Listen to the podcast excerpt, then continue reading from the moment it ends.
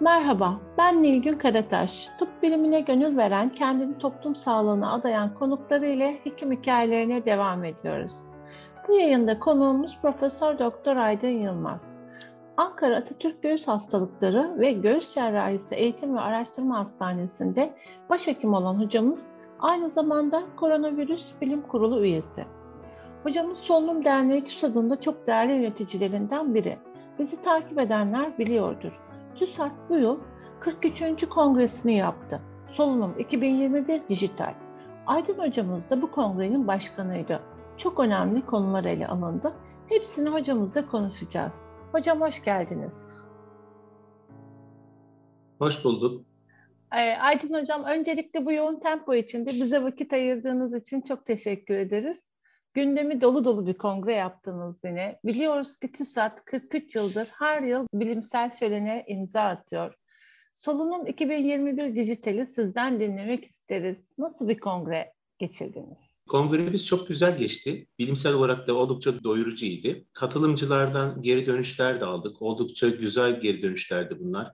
Özellikle ben genç meslektaşlarımızın kongre ilgisinden e, oldukça memnun kaldım.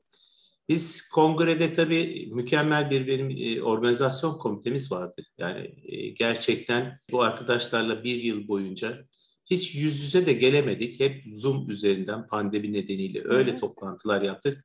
Ama o kadar güzel, neşeli, eğlenceli toplantılardı ki bunları size anlatmam mümkün değil. Yani e, gerçekten hayatımdaki en güzel yılda diyebilirim bu Zoom toplantıları. Yaklaşık 30'a yakında Zoom toplantısı yaptık biz bir yılda. Belki daha da fazla olabilir bu rakam.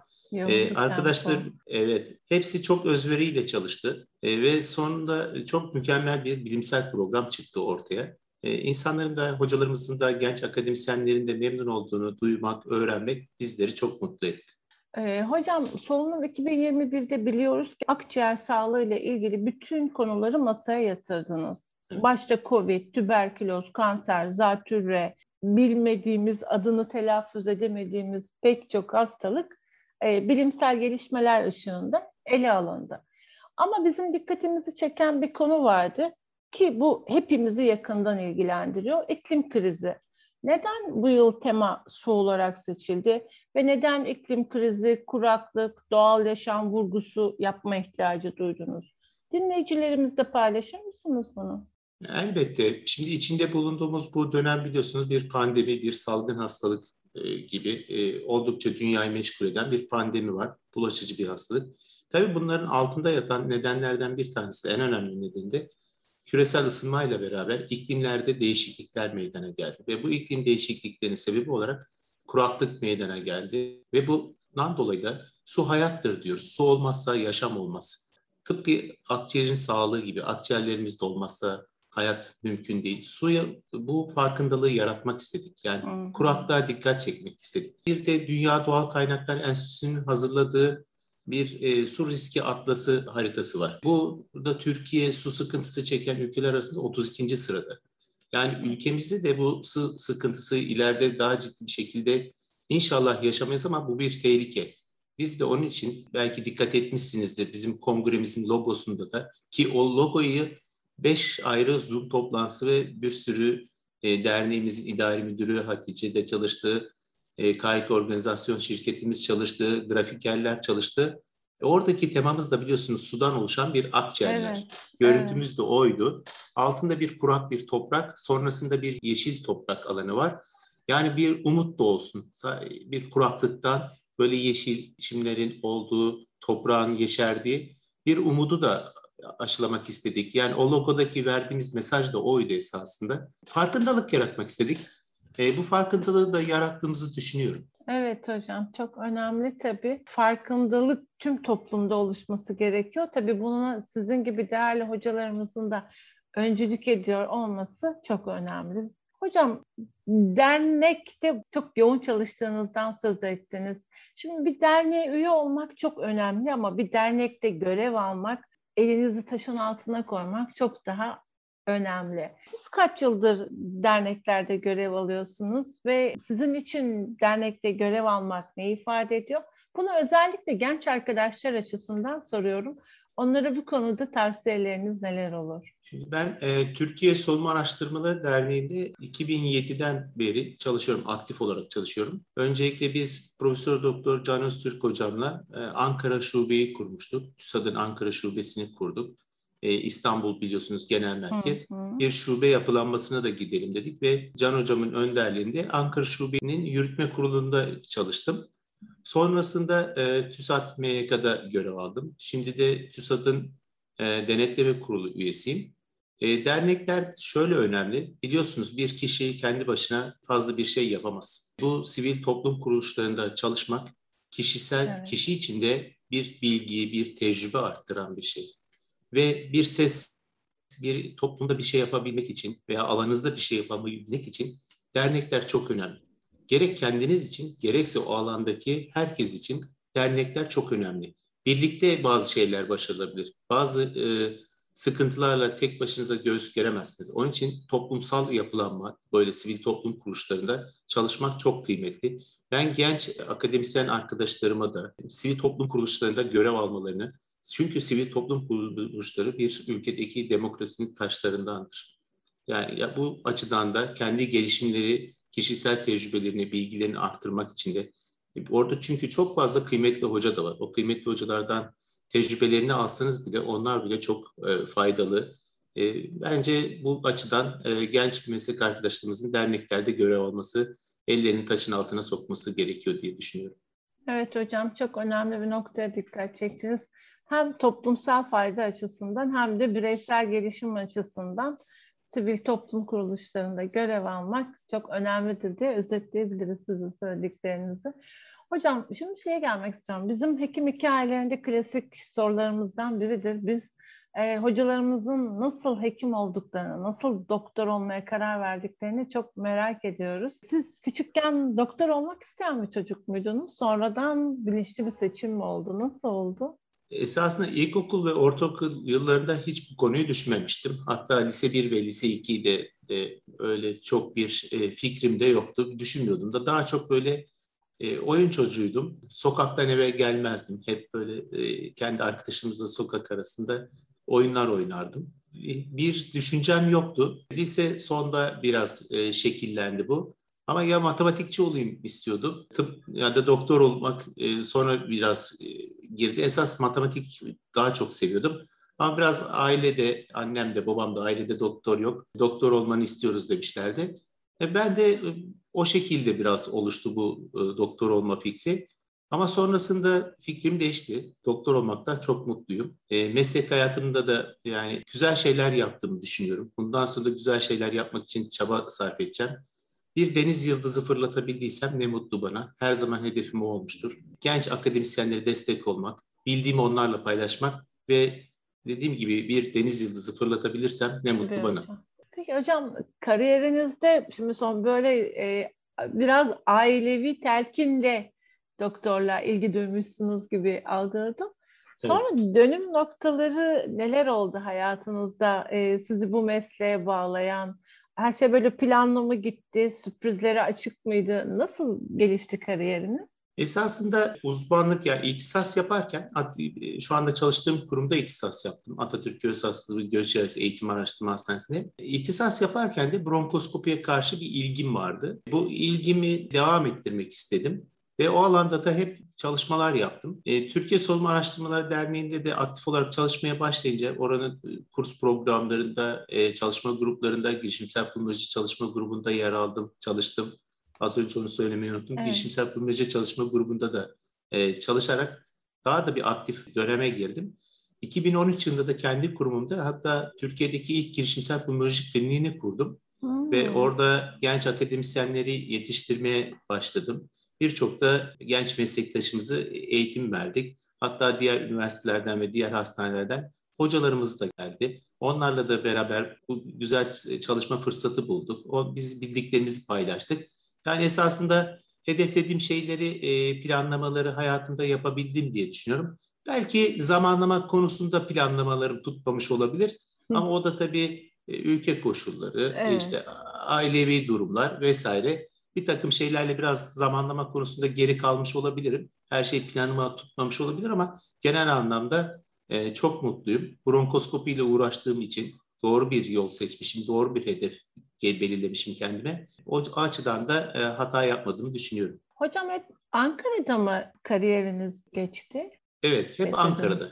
Hep Ankara'da yaşadım. Bir iki ay bir Ardahan'da bir geçici görevim oldu bu çalışma döneminde. Bir yıl İstanbul Gümüşsuyu'nda askerlik yaptım. Hı hı. Onun dışında hep Ankara'da çalıştım. Siz Ankara'ya o zaman ayrıca sevginiz, bağlılığınız da var diye düşünüyorum herhalde. Ankara memur şehri, düzenli evet. bir şehir. Alıştık, çok kalabalık gelmiyor. Memur şehri olduğu için bir düzen var. Yani o açılardan Ankara'yı seviyorum. Hocam halen hangi görevleri yürütüyorsunuz? Bunlardan da dinleyicilerimize söz eder misiniz? E, tabii. E, şu anda Atatürk Göğüs Hastalık ve Göğüs Cerrahisi Eğitim Araştırma Hastanesi 640 yataklı bir hastane. Bu hastanenin e, başhekimiyim. Onun dışında e, COVID Bilim Kurulu üyesiyim. Sağlık Bakanlığımızın COVID Bilim Kurulu üyesiyim. TÜBİTAK'ta dış raportör olarak görevim var. Geçmiş yıllarda Türk Göğüs Hastalıkları Yeterlilik Kurulu'nda hem yürütme kurulunda hem de akreditasyon kurulunda görev aldım iki dönem. Şu anda yine devam eden bir görevimde tıpta uzmanlık kurulunda göğüs hastalıkları alanındaki 8 hocadan biriyim. Hocam hep böyle e, mesleğinizle birlikte hep böyle toplumsal, mesleksel faydası olan bir yerlerde de olmayı özellikle özen göstermişsiniz diye düşünüyorum. Evet. Bu ee, demek ki bu, gençlere tavsiye ettiğiniz gibi. Söylemeyi unuttum bilmiyorum. Türkiye Savunma Araştırmaları Derneği'nde de halen denetleme kurulu üyesiyim. Evet hocam. Evet. Evet oldukça. Oradaki TÜSAT'ı bırakmadım yani. TÜSAT evet. hala e, görevimiz e, devam ediyor. E, daha da tabii ki çalışmak isteriz. Evet, TÜSAT da e, alanında dinleyicilerimiz için hatırlatmak gerekirse alanında Türkiye'nin en köklü kuruluşu ve çok önemli, çok değerli çalışmalar yapıyor. Sizlerin evet. çabalarıyla topluma çok faydalı işler yapıyor. O, hocam şimdi bu kadar çok aktif bir meslek hayatınız olunca elbette ilginç anılarınız da olmuştur diye düşünüyoruz. Ee, bizimle bir tanesini paylaşır mısınız? Esasında daha önceki hekim hikayelerinden de birkaç tanesini dinledim. Hmm. E, genelde insanlar anı olarak güzel böyle çok acı şeyler paylaşmıyorlar. Daha çok güzel şeylerden e, bahsediyorlar. Ben bu Covid süreci bizde tabii yönetici olarak bizde yani kendimde çok iz bıraktı. Birçok insanda da, doktorda da, sağlık çalışanlarında da gerçekten bu süreç çok sıkıntılı geçti. Ben biraz üzücü bir anımı anlatmak istiyorum eğer müsaade ederseniz. Hocam tabii ee, ki sizi etkileyen bir şey bizimle paylaşmanız bizi çok mutlu eder. Halen etkisinden kurtulamadığım bir anı bu. Ee, bir 6, 6 ayda olmadı hatta 3 ay kadar önce oldu. Genç bir e, hasta yoğun bakıma alındı maalesef. E, Covid servisinde yatıyordu. Hmm. Aşısızdı. 38 yaşında bir genç hastamız. Onun kızı bizim e, Covid yoğun bakımının dışındaki bahçede gördüm. Ağlıyordu. Niye ağlıyorsun demiştim. O işte babam hasta demişti.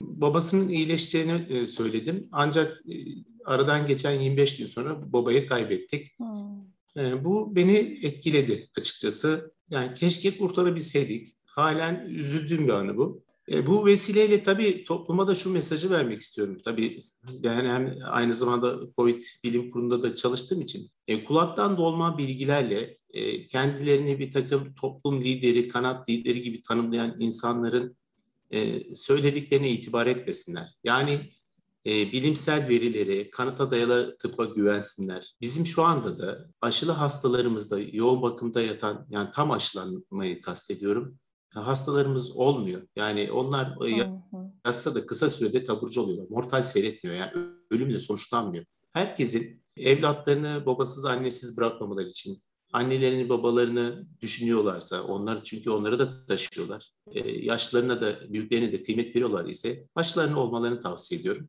Bu anıyla da bunu bir kez daha vurgulamak istedim evet, esasında. Bir topluma evet. yine bir mesaj vermek istedim. Belki üzücü bir anı paylaştım ama evet, yine hocam. de bir toplum mesajı vermek Hı-hı. istedim. Evet hocam çok iyi yaptınız. Bu dönemde tabii tüm dünya gibi biz de ülkemizde pek çok insanda çok yakınlarında, çevresinde çok kişiyi bu hastalığa kurban verdi. Ama artık hani elimizde güçlü bir mücadele yöntemi var sizin de dediğiniz gibi. Bilim dışı sözlere kulak asmadan siz hekimleri dinleyerek aşılarını olmalarında fayda var diyelim. Hocam bizim yine böyle gençlere özellikle mesajlar vermek istediğimiz klasik bir bölümümüz var. Buradan ben size cümlenin başını söylüyorum. Sonra devamını size bırakıyorum. Cümlemiz şöyle. Ben yaptım, siz de yapın.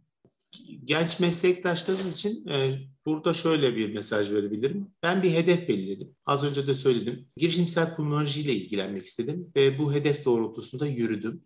Onlar da genç meslektaşlarımız da sevdikleri şeyle ilgili, bir alandaki sevdikleri bir konuyla, bir bölümle ilgili bir e, hedef belirlesinler ve o, o hedefe doğru yürüsünler. Ama bu hedefe yürürken de bir e, küçük bir uyarı daha yapmak isterim. Arkadaşlarıyla güzel diyalogda, güzel iletişim içinde, derneklerle, alanımızdaki derneklerden biriyle çalışmalarını yürütsünler. Derneklerde de yol alarak Genç Akademisyenler Kurulu var biliyorsunuz Türkiye Sorun Evet, Araştırmaları Derneği'nin.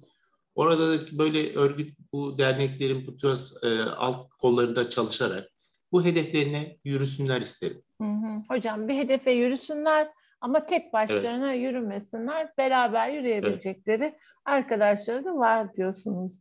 Çok güzel bir Evet. mesaj oldu bu. Ee, ikinci cümlemiz ise hocam istenip de yapılamayan konularla ilgili. Ben yapmadım, yapamadım ama siz mutlaka yapın. Ha, tabii bizim gençlik yıllarımızda veya e, bundan 10 sene önce yurt dışı derneklerde bu, çok çalışma imkanımız yoktu.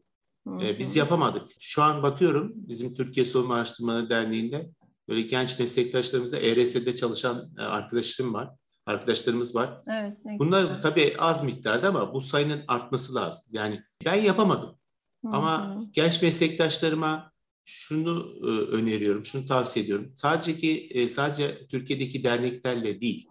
Yani burada tabii ki çalışsınlar ama bir ERS'nin bir çalışma grubuna girsinler. Bir VABIT var, bronkoskopi ile intervention pulmonoloji ile ilgilen. Oralara girsinler, oralarda çalışsınlar. Ülkemizi temsiliyeti çok önemli. Yani Türk hekimleri olarak dış devletlerdeki bu derneklerde de güzel çalışmalar yapmalarını, ülkemizi temsil etmelerini isterim. Ben yapamadım, onlar bu konuda yapsınlar. Evet, teşekkür ederiz hocam. Yine güzel bir tavsiye oldu. Ee, üçüncü cümlemiz ise biraz da bir uyarı niteliği taşıyor. Ben yaptım, siz sakın yapmayın. Belki benim kendi kişisel ruh halimle ilgili olabilir ama ben bazen umutsuzluğa düştüğüm anlar oldu. Yani hayattan kopmak değil de biraz böyle boş bıraktığım dönemler oldu. Umutsuzluğa kapıldığım dönemler oldu. Sonra e, bu tür durumlarda zamana bırakmak lazım. Zaman her şeyin en iyi ilacı. E, netice itibariyle umut her zaman var. Yani kopmamak lazım, umut etmek lazım, bırakmamak lazım diyorum. Evet hocam, çok güzel tavsiyeler oldu bunlar. Hocam bir de şunu sormak istiyorum. Şimdi bu kadar çok yoğun iş temposu içerisinde ister istemez hobiler geri planda kalabiliyor. Ama yine de sormak istiyorum. Sizin bir hobiniz var mı? Siz kendinizi nasıl dinlendiriyorsunuz? Meslekten arta kalan vakitleri nasıl değerlendiriyorsunuz? Esasında son 3 yılda çok meslekten arta kalan bir vakit olmuyor. Ee, özellikle son sene bu kongre ve COVID Bilim Kurulu toplantıları hep Zoom üstünden olduğu için akşamlar da maalesef dolu. Ama şöyle söyleyeyim, e, hafta sonlarında evimizin yakında böyle bir ormanlık alan var. Orada yürüyüş yapmayı, doğada yürüyüş yapmayı, kulaklıkla müzik dinlemeyi çok seviyorum. Özellikle çok iyi bir Türk sanat müziği hayranıyım. Akşamları da böyle şiir şiir dinlemeyi çok severim. Şiirler dinliyorum. Bu beni çok dinlendiriyor.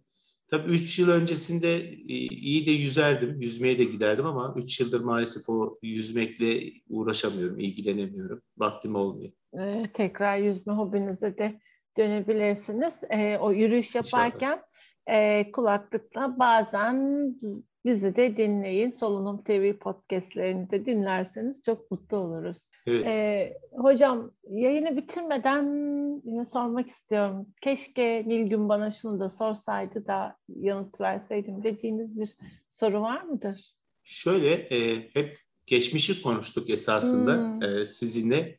Evet, Belki şunu sorabiliriz. Gelecekteki hedefiniz ne? Ne yapmak isterdiniz Evet diye belki. Hemen soruyorum hocam. Aydın hocam, geleceğe ilişkin görüşlerinizi, fikirlerinizi bizimle paylaşır mısınız? E, tabii ki esasında gele, yani şu anda da yapmak istediğim ve gelecekte de bu hedefte yürümek istediğim konu şu. Türk hekimleri çok parlak ve zekiler. Hı hı. Ancak gerek ARGE gerekse laboratuvar çalışmaları konusunda çok fırsat tanımıyor. E, ileride Türk hekimlerine bu aşamada e, daha fazla laboratuvar ortamında çalışmaları, ARGE laboratuvarında çalışmaları için fırsat tanıyacak bir konumda olmak isterim. Yani evet. bu hekimlerimizin bu konuda hep iş yükü altında eziliyorlar. Hasta bakmayla bu laboratuvar ve ARGE çalışmalarının bir dengeye oturması lazım. Gerçekten bizim arkadaşlarımız, siz de takip etmişsinizdir bu COVID sürecinde. Türk hekimleri hem dayanıklı, hem zekiler, hem parlaklar, mükemmel de bir eğitim alıyoruz. Evet. Ve bu eğitim evet. sadece hasta bakması şeyinde kalmaması lazım. Biz bütün teknolojimizi neredeyse tıbbi cihazlarımızı hep yurt dışından alıyoruz ve yurt dışına hı hı. bir bağımlılığımız var. Ve mesela kullandığımız bronkoskopi cihazını, e, endobronşi ultrasonografi cihazını, rigid bronkoskopi cihazını, ameliyathanedeki kullanılan cihazları biz neden Türkiye'de yapmayalım? Ve evet. bizim Türkiye hekimlerimiz inanın e, zekalarıyla çok güzel projeler üretebilir. Bazen söylüyoruz ama bu bazı yerlerde tıkanıyor, gitmiyor. Hı hı. Yani sanayi ortaklığıyla güzel de bir sanayi şeyimiz, gücümüz var esasında. E, evet. İyi yetişmiş mühendislerimiz var, elektrik elektronik mühendisleri var. Biraz da onlar da mesela tıp alanında ilgilenirlerse, yani böyle bir e, planım var, bir hedefim var. İnşallah ileride bunu gerçekleştirebilirim. Umarız hocam. Yani evet Türkiye'de aslında dediğiniz gibi üniversite sanayi işbirliği yapılabilse çok çok daha güzel işler ortaya çıkacaktır. Umuyoruz bunu da hayata geçirirsiniz. Bu konuda da öncülük yaparsınız. Hocam yayınımıza katıldığınız için çok teşekkür ediyoruz. Nilgün Hanım, ben e, gerek e, Türkiye Solunum Araştırmaları'nı gerekse size e, beni davet ettiğiniz için teşekkür ediyorum. Bir hekim hikayesinin daha sonuna geldik. Yeni bir hikayede buluşmak üzere. Hoşçakalın.